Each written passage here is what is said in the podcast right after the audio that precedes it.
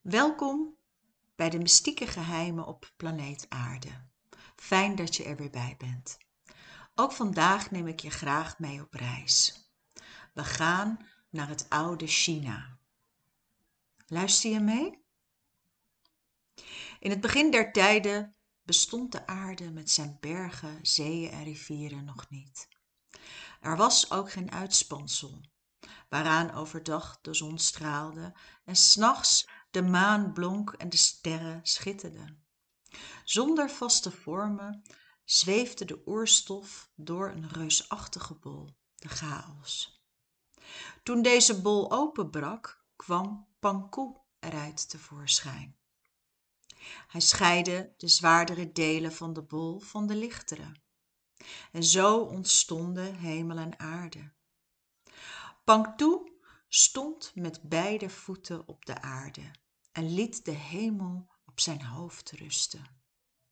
Hemel en aarde werden steeds groter, maar ook de afstand tussen beide nam elke dag met drie meter toe.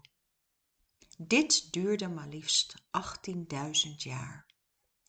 En in die tijd groeide Pankoe mee.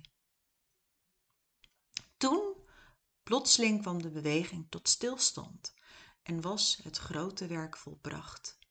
Pankoe strekte zich uit over de aarde en stierf.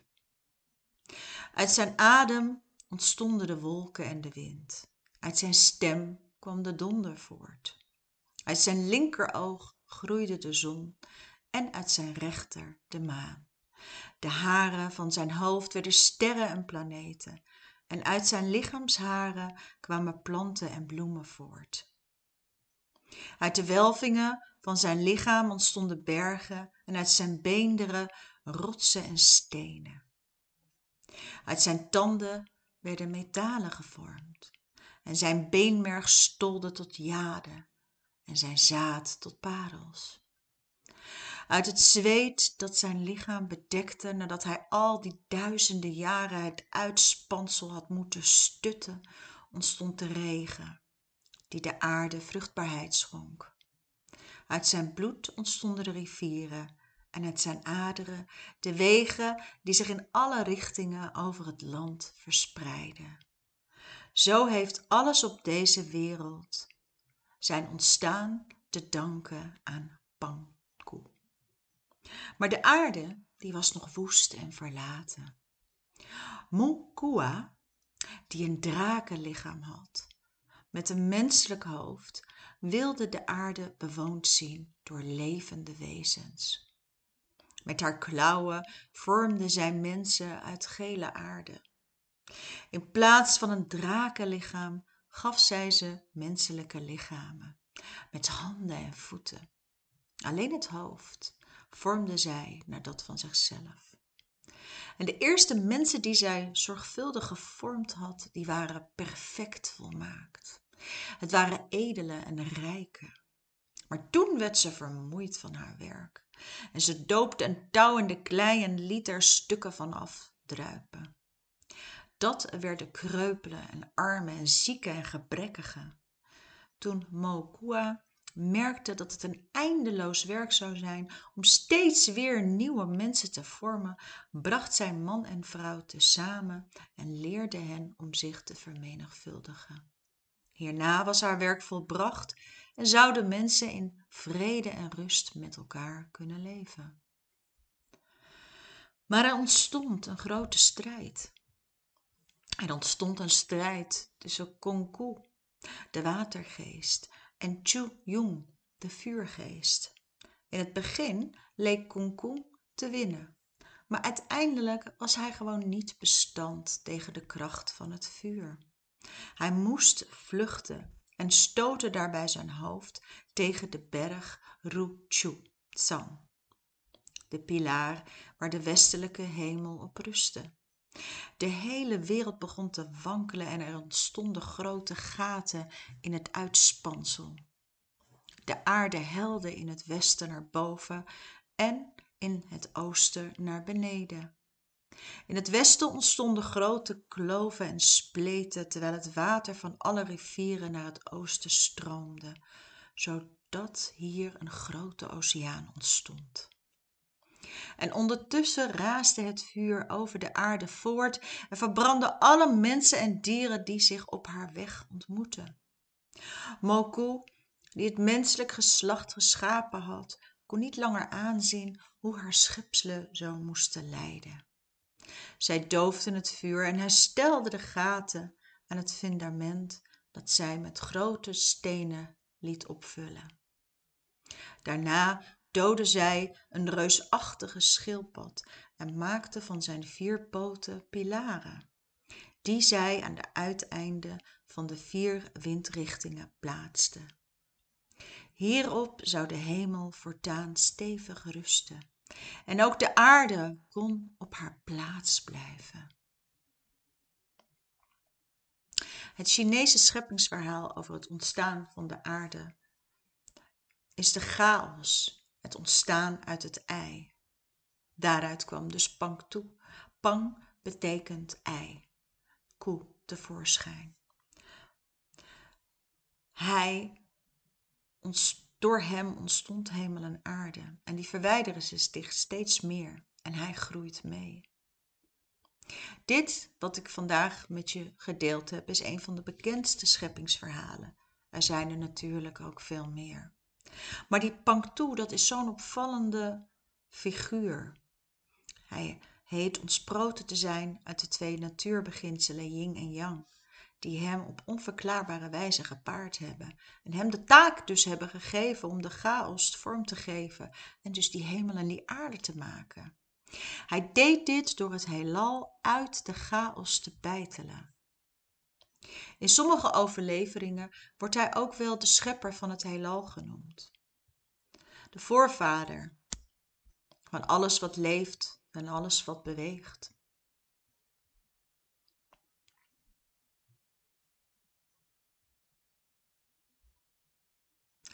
Pang betekent dus eierschaal. En koe betekent bevestigen of heel stevig.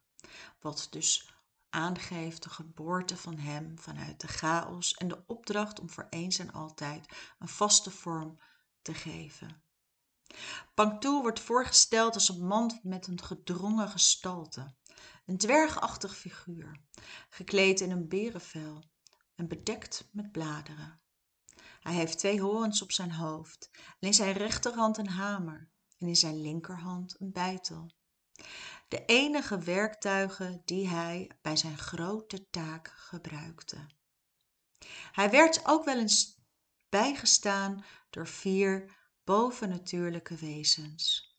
De eenhoorn de feniks de schildpad en de draak.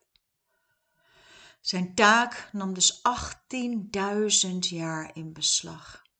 En in die tijd vormde hij de zon de maan de sterren de hemel en de aarde en hij werd dus elke dag groter drie meter per dag totdat hij stierf. Zijn hoofd werden de bergen zijn adem de wind en de wolken. Zijn stem de donder zijn ledematen de vier windstreken van de aarde. Zijn bloed de rivieren zijn vlees de bodem zijn baard de sterrenbeelden. Zijn huid en zijn haar de kruiden en de bomen. Zijn tanden beenderen en merg de metalen rotsen en edelgesteenten. En zijn zweet de regen het ongedierte de insecten die over zijn huid kropen werden de menselijke wezens. Er zijn natuurlijk dus heel veel verschillende visies op het scheppingsverhaal. China heeft meerdere volksreligies en natuurlijk ook meerdere mythes en verhalen. En oneindig veel goden. En vandaag ga ik er een paar met je bespreken ik wil heel kort met je kijken naar een van de volksreligies genaamd het Siniïsme het aantal aanhangers is ongeveer 360 miljoen en de meeste daarvan wonen in China. Wat dus heel interessant is in dit verhaal, is dat het gebaseerd is op de voorouderlijke verering. Er wordt ook vaak gebruik gemaakt van mediums om dus te communiceren met die voorouders. Natuurlijk zijn er in China ook andere stromingen. Ook bijvoorbeeld het boeddhisme, wat uit India komt, en het Taoïsme. Maar alles is een beetje met elkaar vermengd. Ik ga zo nog een paar andere dingen ook met jullie bespreken. Het woord Shen heeft een aantal uiteenlopende betekenissen, maar in het Nederlands vertaald is het het woord geest. Je kan het dus ook zien, dus verfijnde energieën en bewuste toestanden. Een spanning tussen wereldse belangen en bovennatuurlijke belangen, dus het onderhouden van gunstige relaties met de voorouders en de goden, is ontzettend belangrijk. Waarom?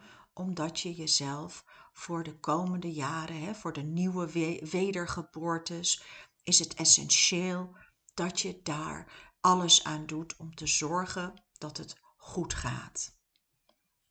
Er bestaan weinig officiële gebruiken, maar zijn vooral de verlangens, de behoeften en de angsten die meedragen aan het doe-het-zelf karakter van dit volksgeloof.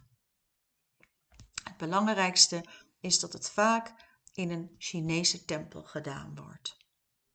Ieder dorp in China waar veel Han-Chinezen wonen, heeft minimaal één tempel voor bijvoorbeeld de aardegod. De aardegod noem je Tudi Gong. Dit is een Taoïstische god van de grond, landbouw en welvaart. Een goede andere naam voor hem is ook Fude Xin Xian.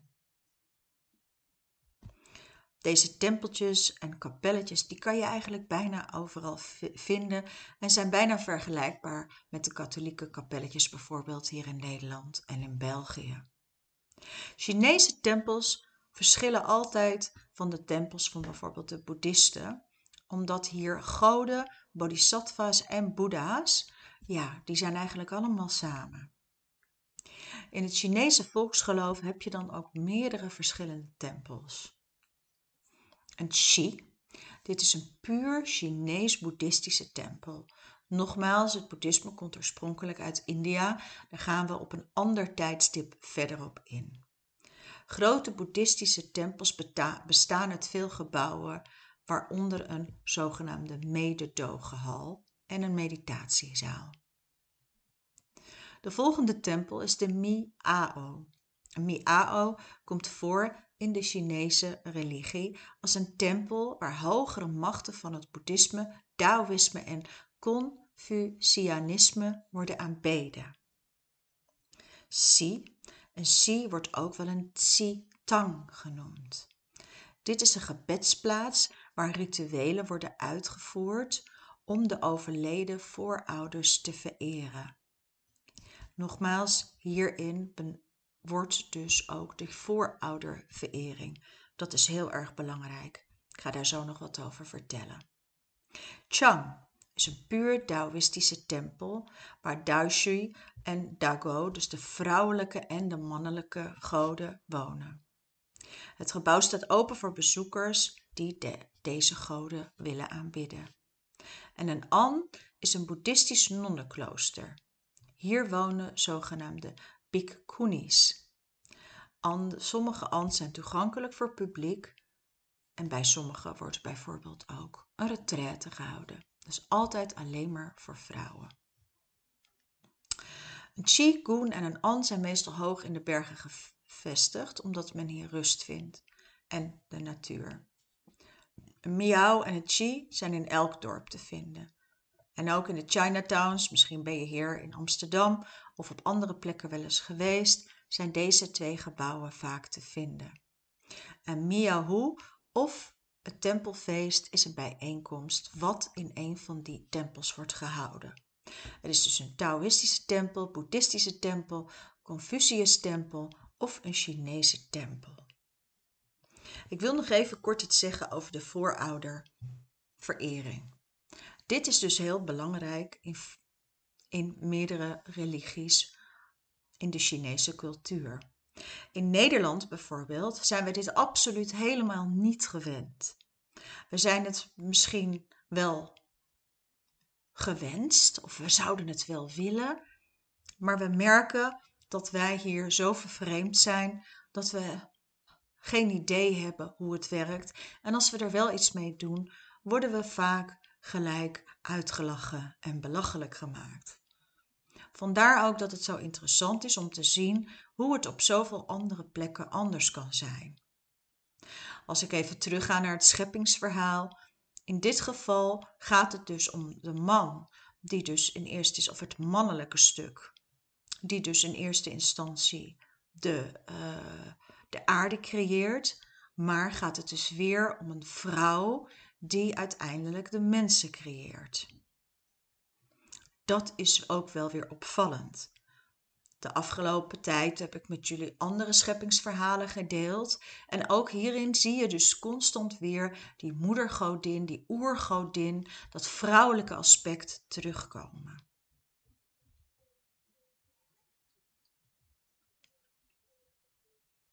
Ik wil nog even wat vertellen ook over de tempels.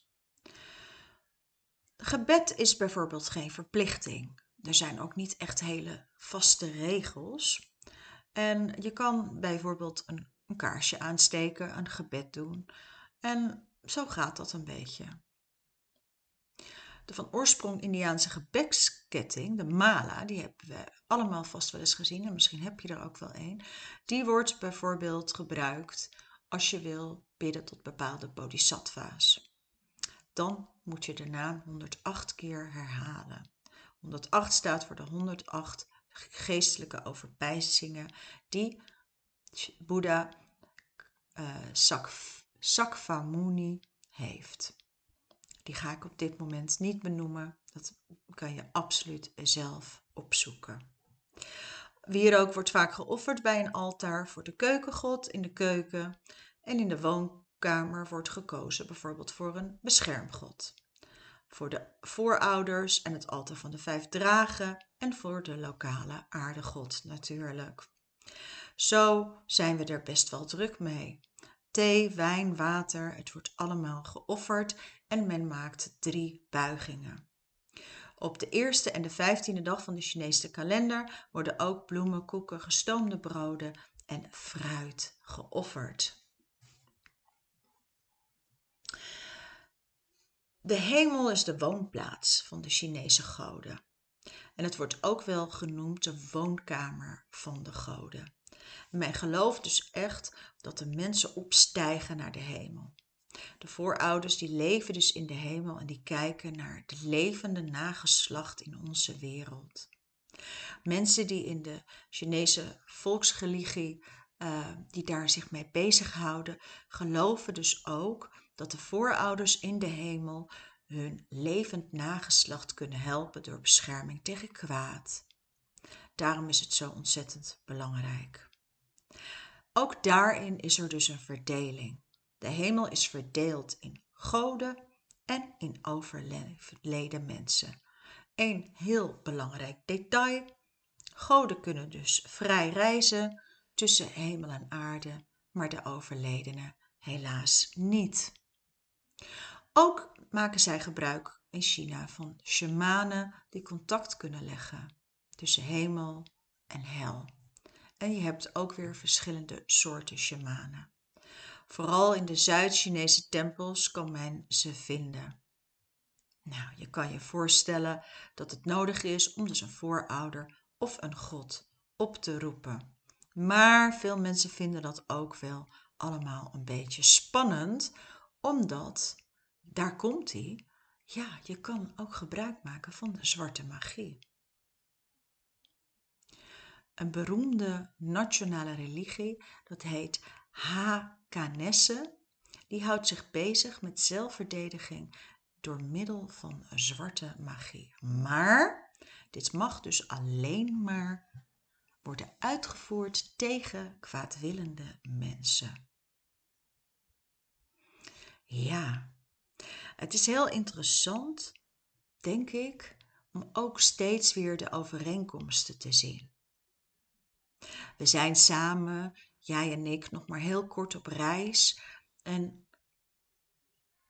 op dit moment vind ik het vooral belangrijk om je informatie te geven over al die verschillende scheppingsverhalen. En ook over de goden. Ik beloof je dat we later zeker nog terugkomen, ook op alles wat te maken heeft met zwarte magie.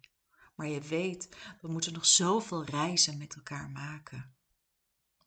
Ik wil je graag een paar goden noemen, zodat je een klein beetje een idee hebt wie er allemaal in de hemel woont en tot wie uh, ja, gebeden kan worden. Het zijn onder andere Taoïstische goden. Dan hebben we dus Pangu. Dat is een bekende naam. Die heb je misschien in andere scheppingsverhalen ook al wel eens een beetje iets wat erop lijkt. En dat wordt ook wel de schepper der aarde genoemd.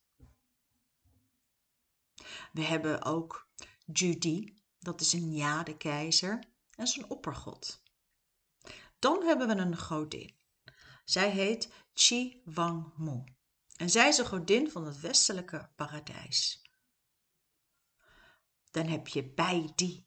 Hij is de god van het noorden. Nua is de godin van de Mawu.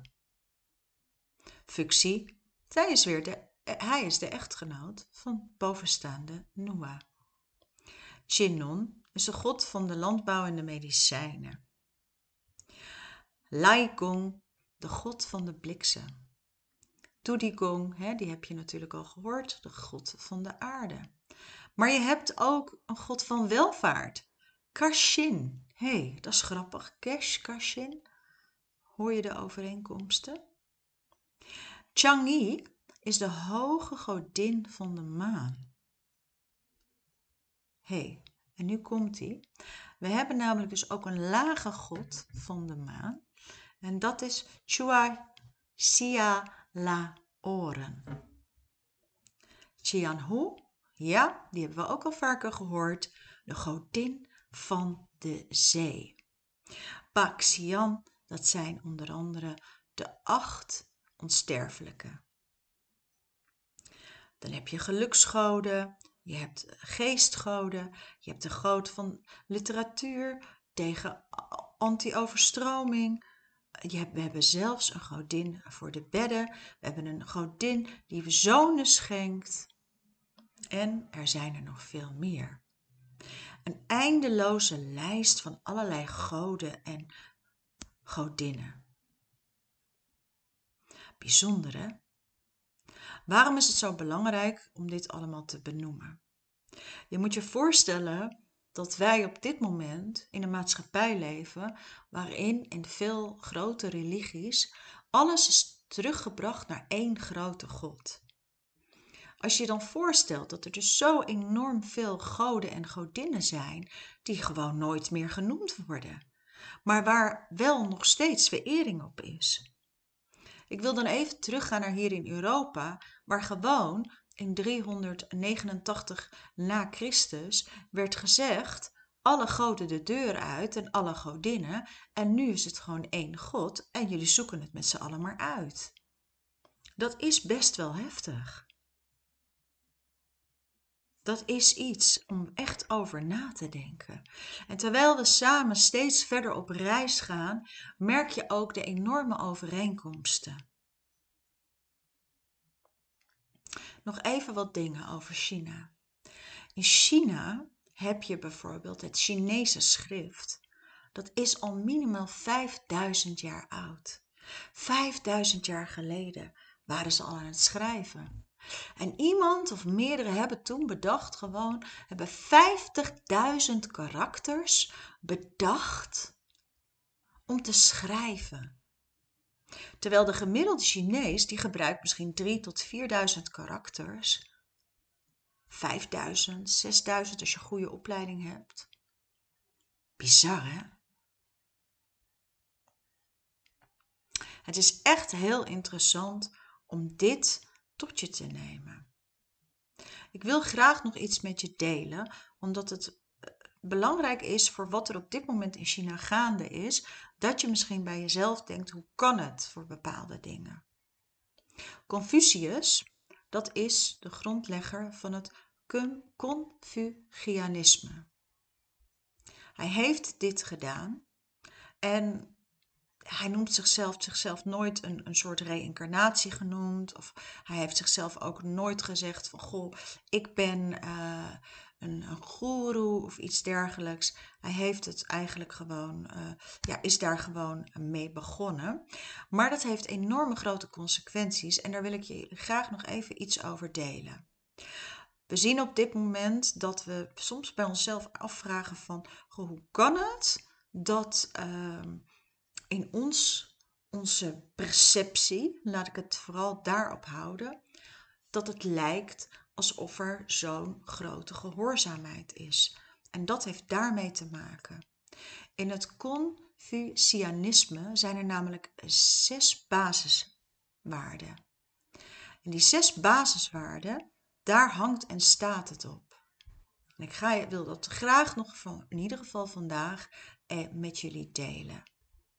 Oh ja, trouwens, die Confucius, die leefde 521 voor Christus. Nog even voor de duidelijkheid, want ik hoor jullie denken. Oké, er waren dus zes uh, deugden heeft hij bedacht, waaronder menselijkheid, kinderlijke gehoorzaamheid, rechtvaardigheid, fatsoen, trouw en wederkerigheid. En dan komt daar dus de grote vraag. Die Confucius die hield zich helemaal niet bezig met de menselijke ziel. Die hield zich ook niet bezig met natuur of hiernamaals. Het enige waar hij eigenlijk zich mee bezig hield, dat was om te kijken van, goh, hoe kun je nou onderling met elkaar leven? En dat is dus in die zes basisprincipes. En dan zie je bijvoorbeeld, als je kijkt naar het woord trouw, dat je dus bereid moet zijn om je te kunnen opofferen voor jezelf en voor je familie. Maar vooral ook naar de familie toe, maar ook naar de gemeenschap toe. Liefdadigheid, loyaliteit, het principe van wederkerigheid. Dat is natuurlijk, hè, dat is op zich wel heel duidelijk, denk ik. Maar ook in de relatie tussen ouder en kind. Als jij goed bent voor je kind, is je kind goed voor jou, enzovoort, enzovoort. Maar ook die kinderlijke gehoorzaamheid. Dat is een deugd, siao. Liefde, trouw en zorg. Dat is naar de ouders toe en van de ouders naar de kinderen toe. Maar ook heeft dat te maken in de maatschappij. Dat je eigenlijk gewoon moet luisteren en dat je dus moet opofferen. Wat belangrijk hier is, is dat het nogmaals, dat het heel erg gestoeld is op de maatschappij. Je bent onderdeel van het geheel. Je bent niet een individueel persoon. Waarom deel ik dit? Omdat er ontzettend veel vragen zijn en mensen denken: hoe kan het? Als je dan vervolgens aan de andere kant het verhaal zet dat mensen gewoon lekker naar de tempel gaan en ook eindeloos al hun goden vereren. En er is echt, geloof me, er is voor, elke, voor elk wisselwasje, bewijzen van spreken, is er een God. Dus dat is heel kenmerkend. Dat ze aan de ene kant dus trouw en gehoorzaam zijn naar familie en vrienden en kennissen en overheid. En aan de andere kant ook gewoon, ja, toch wel kijken naar boven van goh, doen we het goed? Best wel veel druk ook, hè? Best wel pittig. Het is goed om daar eens naar te kijken. Wat dan wel weer heel interessant is, is om te zien dat in dit geval er dus dan geen één opperwezen wordt aanbeden. Dat is vooral het allerbelangrijkste wat we zien bij de diverse dingen in China is dat dat niet aan de orde is. Er is geen oppergod. Dat zie ik voorlopig ook absoluut niet gebeuren, maar ja, je weet maar nooit.